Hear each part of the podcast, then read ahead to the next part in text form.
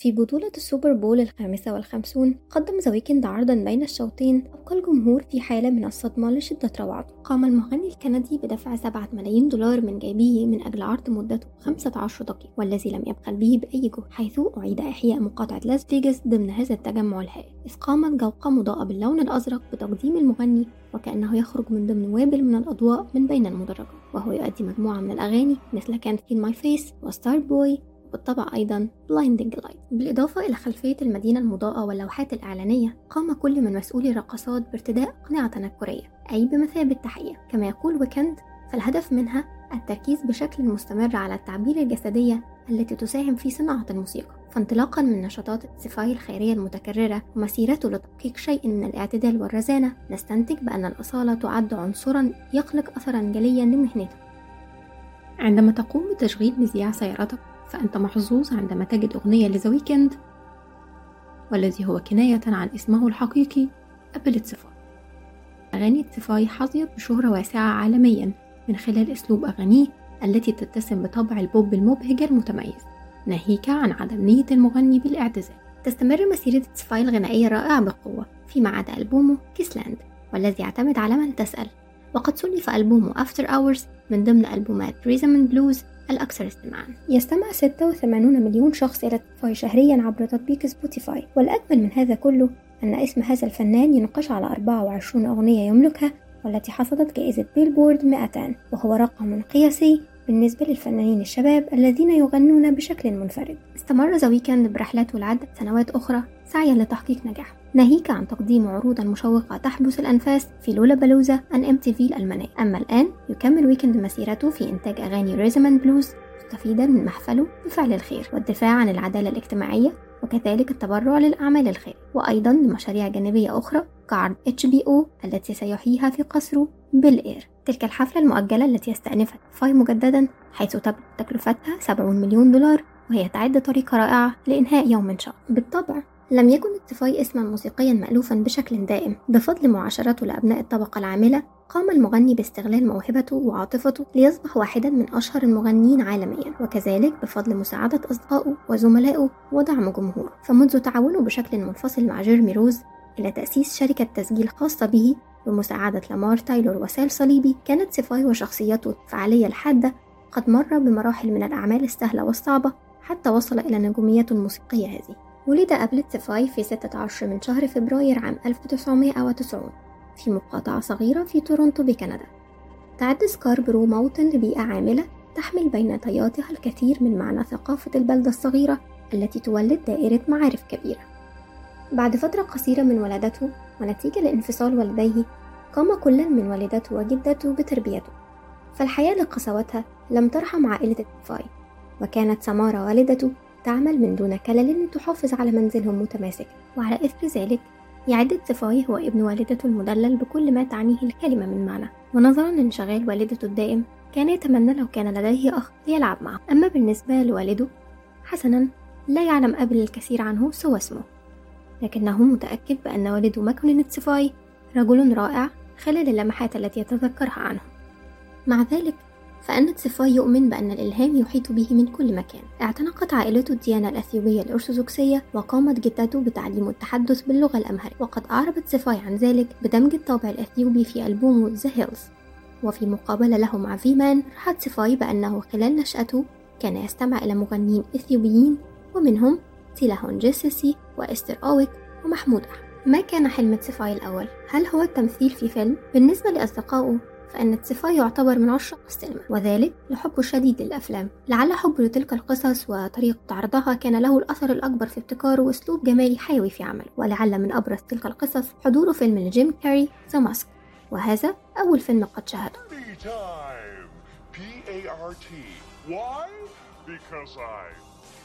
ترك تسفاي المدرسة الثانوية وهو في السنة الأولى منها مع صديقه المقرب تايب وحينما غادر الاثنان حي باركدل بدأ تسفاي العمل في American Apparel وهو عبارة عن متجر متعدد الأقسام. أثناء كتابته الموسيقى من ناحية أخرى. في أثناء مقابلة أجراها مع GQ صرح تسفاي أنه يفصل بين شخصيته وشخصية Weeknd وهي عبارة عن شخصية غامضة ثانية له تضعه باستمرار في مواقف خطيرة. وقد كان تاريخ تسفاي في تعاطي المخدرات مع فئة من إحدى البلدات الصغيرة هو الملهم له لابتكار موسيقى رغم أنه من المفترض أن تكون جمالية عمله هي نتاج ما قام به مع شريكه الموسيقي الأول. في منطقة تورونتو أونتاريو التي تعد واحدة من أفضل المناطق للعيش على وجه الأرض سيقوم تسفاي بالعمل على تحسين شخصية جريئة له غير متوقعة. وفي أثناء عمله في متجر American Apparel قام تسفاي بتكوين علاقات يتمكن بواسطتها من مقابلة كاتب موسيقي آخر وهو جيريمي روز حيث كان يمكن لهذين الاثنين أن يتشاركا في تأليف وإصدار أغنيتين من خلال القيام بعقد شراكة ثابتة. ولكن الاختلافات التي نشأت بينهما كان لها رأي آخر بتفريقهما مع بقاء شعور بالمرارة بينهما. في بدايته كانت شخصية Weeknd هي الوسيلة لانفصال تسفاي عن اسمه في هويته وذلك لأن صورته هذه كانت ضرورية لموسيقى rhythm and blues الآن وبعد أن أصبحت هويته مقبولة أكثر أصبح تسفاي يستخدم هوية Weeknd ورغم ذلك تمكن من فهم الاختلافات بين كل من هاتين الشخصيتين. عندما قام بإعادة دمج أغانيه الأولى من ألبومه Trilogy وإعادة إصدارها أعاد الفضل في ذلك إلى ملهمه الأول Deftones. يبدو واضحا من خلال أذواقه الموسيقية المبكرة. الطابع الجمالي لروز أن ظهور Weeknd كان عبارة عن مزيج بديع مبتكر من الأنواع الموسيقية الفريدة من نوعها. من الممكن أن يكون قد حلم بإنتاج فيلم لكن حلمه الآخر كان الدخول إلى عالم الراب. بالرجوع إلى روز كان لدى سيفاي دائما كلمات لأغاني الراب مكتوبة على الهاتف. لم يكن سيئا في مهنته هذه إلا أن موسيقاه كانت تصادف أن تأخذه إلى اتجاه آخر. كان يتم الاستماع إلى أغانيه في المتجر في الوقت الذي كان يجب أن يكون ما يستمع إليه الناس شيئا يستطيع. الاستماع. يحكي تسيفاي كيف أنه كان ينتظر بفارغ الصبر ردود فعل الأشخاص. يتفاجأ بأنهم كانوا جميعا يبدون بحالة إيجابية. على حد قوله كنت أقوم بطي الملابس هناك عندما قام أحدهم بتشغيل الأغنية في المتجر. لسوء الحظ أن شراكة سيفاي مع روز لم تحظى بنهاية سعيدة. لقد كان لدى الاثنين مشكلة في تقديم تنازلات تتعلق بالأسلوب الموسيقي ولكن كان لابد من القيام باتخاذ خيارات جديدة. اقترحت سيفاي على روز أن يعمل كمنتج له لكن عندما أدرك روز أن لن يكون له راتب تخلى عن الأمر. وذهب كل منهما في طريقه قام روز بتغيير سجله التجاري ووضعه تحت اسم زودياك وإطلاق أسطوانة مطولة EP خاصة به. في أثناء ذلك أعادت سيفاي إصدار الحفلة The Party مع لمسات إضافية وضعها بعض المنتجين الآخرين. قامت سيفاي بنشر موسيقى على موقع يوتيوب باسم مجهول تمكن برفقة روز من إنتاج أغانيه الثلاثة الأولى المليئة بالبهجة والإنفعال The Morning و Loft Music و What You Need. أنتج هو وروز الأغاني معا مع إصرار روز على أن سيفاي قد وضع طابعا انفعاليا حادا إلى موسيقى. شكلت الأغاني الشريط المختلط لهما House of Balloons ولحسن الحظ أنها لقت نجاحا كبيرا. قامت سيفاي بإصدار أغانيه الثلاثة الأولى بشكل مجاني على الإنترنت لجذب انتباه أي مغني صغير للهيب هوب لفتت أغاني سيفاي انتباه شخصا واحدا وهو مدير دريك وقام بنشرها مما ألهم دريك أن يقوم بنشر أغنيتين على المدونة الخاصة به. حسنا انظر هنا. منطقة الممر الصغيرة هذه هنا. هي المكان الأول الذي سمعت فيه موسيقى ذا ويكند وهذا بفضل أخي أوليفر. أسمعني أوليفر أغاني ذا ويكند هنا. إنه مبنى قديم في تورونتو. قد توقفنا هنا. إنها تمطر هنا. وهذا الرجل نفسه يبيع قبة السماء غدا. وليس مركز روجرز لأننا ما زلنا نسميه قبة السماء. ولكن هذا الرجل يبيع جميع التذاكر غدا. لذلك أريد فقط أن يفهم أي شخص يحاول القيام بذلك كما لو أنني سمعت موسيقى هذا الرجل هنا لأول مرة وهي تمطر. إنها حياة رائعة. بعد عدة أشهر سيلتقي ذا ويكند ودريك بشكل شخصي وعما قريب سيتعاونان لإنتاج إصدارات جديدة معاد مزجها من أغاني سيفاي في نفس العام تعاونت سيفاي مع زملائه ومديره كاش إسماعيليان ومديره الفني لامار تايلور إضافة إلى منتجه سال صليبي لإطلاق شركة تسجيلات XO وهي فرع من مجموعة يونيفرسال الموسيقى. يقع المقر الرئيسي لشركة تسجيلات XO في تورونتو ولوس أنجلوس حيث أنها تستضيف عددا كبيرا من الفنانين المشهورين بما فيهم ناف وتشيري 22 ونتيجة لتحقيق سيفاي نجاح باهر قدمت شركة Trilogy برش ذهبي له إلا أن ذلك لم ينل إعجاب بعض الفنانين المشهورين فتجاهلوه كأنه لم يكن. وعليه أضافت سفاي ثلاثة أغاني إلى القائمة 28 و Valerie و Till Dawn استمرت سفاي بإنتاج الأغاني في الوقت الذي كان زودياك يستعد لإصدار اسطوانته المطولة وعلى الرغم من النهاية المريرة لشراكتهم إلا أن تسيفاي وجد ما يعزيه عن ذلك بين مؤسسي شركة XO. وإلى يومنا هذا أصدرت تسيفاي ما يقارب من خمسة ألبومات بلاتينية. وعلى الأرجح سيصدر المزيد في المستقبل. كما أن تسيفاي قد تعاون لاحقا مع العديد من الفنانين الراقيين المتميزين ومنهم دريك ودافت بعد نجاحه الأول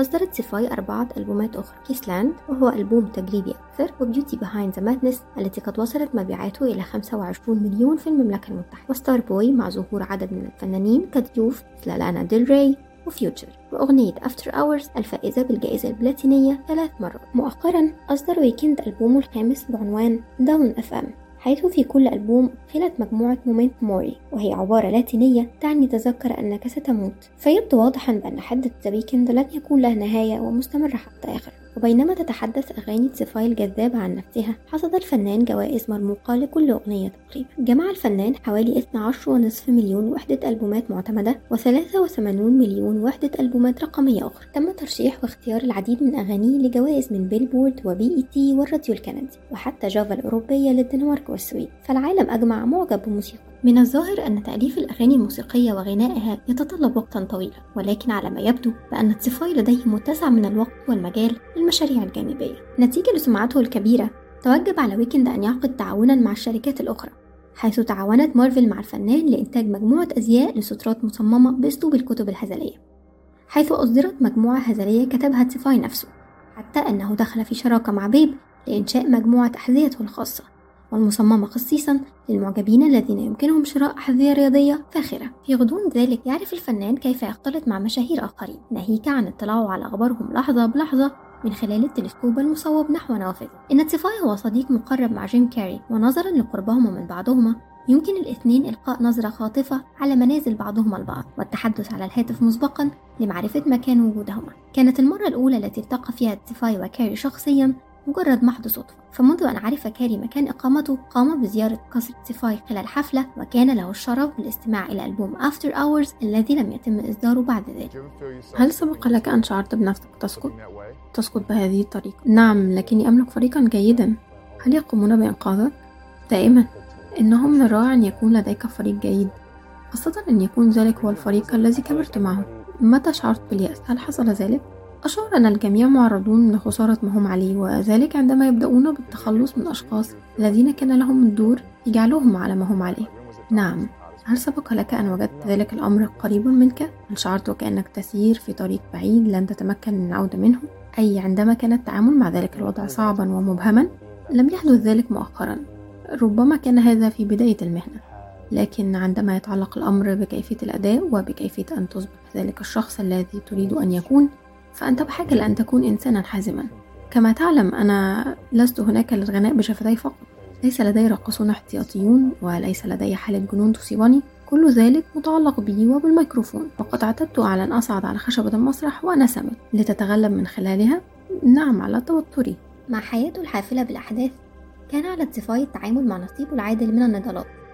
أثناء نشأته في سكاربرو واجه تسيفاي وقتا عصيبا وتحديدا مع المخدرات والكحول وهي ممارسة جعلته يدمن دون قدرة على التراجع. يقول تسيفاي لفترة من الوقت كانت المخدرات مجرد عكازا للهروب يرجع ذلك لكون سنوات مراهقته صعبة بشكل خاص فكان هو وأصدقائه يتعاطون بشكل روتيني مواد مختلفة وأحيانا يضطرون لسرقتها من المتاجر لتوفيرها. فهو يقارن بدايته الأولى بفيلم Kids من دون أي شيء يتعلق بالإيدز. ولعيش حياة أكثر سلام تمكن ذا ويكند من الابتعاد عن المخدرات بهدف التأقلم والتركيز على حياته المهنية. في الوقت الحالي أصبحت المخدرات القوية مثل الكوكايين مستبعدة تماما بالنسبة له ولكن ليس هناك مانع من ارتشاف كوبا من الكحول بين الحين والآخر فهو لا يؤذي بشيء. وأخيرا هي قد تلاشت الرومانسية المرتبطة بالشرب المفرط منذ فترة طويلة.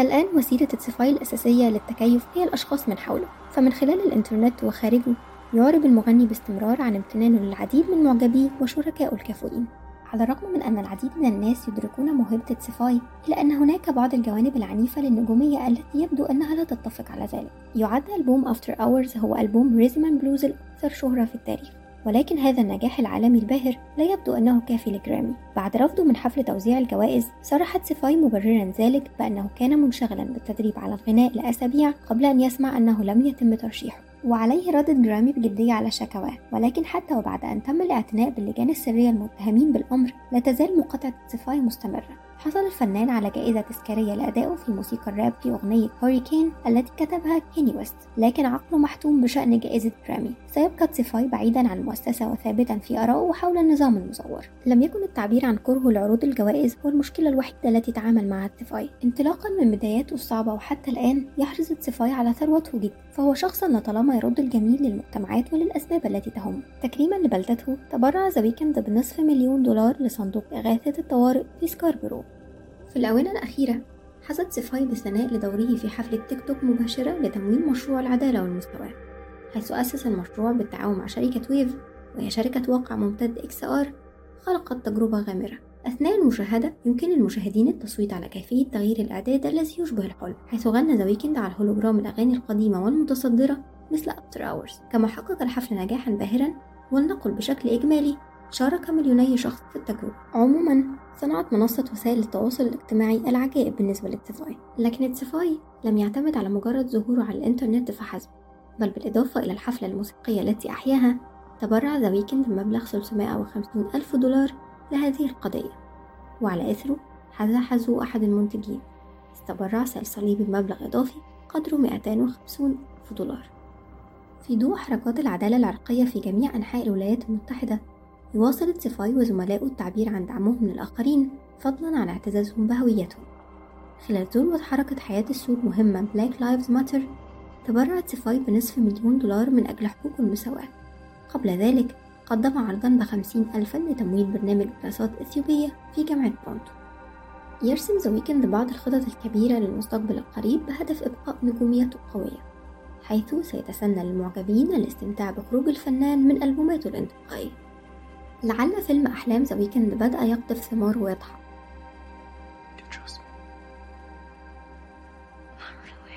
The Idol هو مسلسل أحداثه تدور حول مالك نادي يصادف أنه جزء من طائفة دينية سرية. تمثل ليلي روز ديب الشخصية الرئيسية لقصة الحب. تكتشف حقائق سره المظلم يشارك أيضا في المسلسل سام ليفنسون المنتج التنفيذي لمسلسل Euphoria لم يبخل تسيفاي وطاقم العمل بأي نفقات لتصوير المسلسل بالطريقة الصحيحة. تم تصوير الست حلقات قبل إعادة بناء المشروع بالكامل. قبل ذلك ظهر تسيفاي في The Simpsons and Robot Chicken وأتيحت له الفرصة لكتابة حلقة من American Dad والتعبير عنها.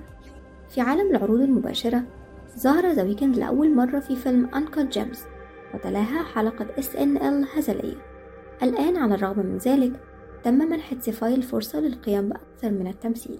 علاوة على أدائه يظل إنتاجه الموسيقي قويا أيضا. فألبوم Dawn FM هو نتيجة تعاون بينه وبين جيم كاري ويحاكي برنامجا إذاعيا مع كل أغنية وانتقاد حتى أن كاري لديه عدد من أغاني الراب به من الجيد أن نسمع أن الاثنين ما زال صديقين مقربين. بالحكم على أغانيه السابقة من المؤكد أن الألبوم السادس القادم لتسفاي سيضم أجزاء متساوية من التجارب والتراث الإثيوبي. سواء كنت تعرفه من Starboy أو Save Your Tears فلا شك بأن محب الموسيقى المستقلة وموسيقى rhythm and blues قد استمعوا لويكند مرة واحدة على الأقل. انطلاقا من مغني الراب المراهق الذي يعمل في American Apparel أصبح أبل تسيفاي إحساسا موسيقيا بين عشية وضحاها قطع مغني rhythm and blues الكندي الإثيوبي خطوات هائلة سواء في عالم الموسيقى أو ربما أبعد منه. من المحتمل أن يتم تشغيل أغاني Beauty Behind the Madness في American Apparel في جميع أنحاء البلاد دون أن ينتظر تسفاي الشاب بفارغ الصبر لسماع ما يظن الناس به. بفضل تبرعاته للجمعيات الخيرية وقضايا العدالة الاجتماعية استخدم تسفاي منصته للتعبير عن الحاجة إلى المساواة العرقية إلى جانب توعية المواطنين الإثيوبيين. بينما يواصل تسفاي تسجيل الأرقام القياسية الموسيقية وتقديمها ينتظر معجبيه بشوق لمعرفة لأي مكان سيأخذهم في المرة القادمة. مع أدائه القادم في Idol ومواعيد حفلاته المستمرة يمضي المغني قويا ورصينا ليرضي الجميع.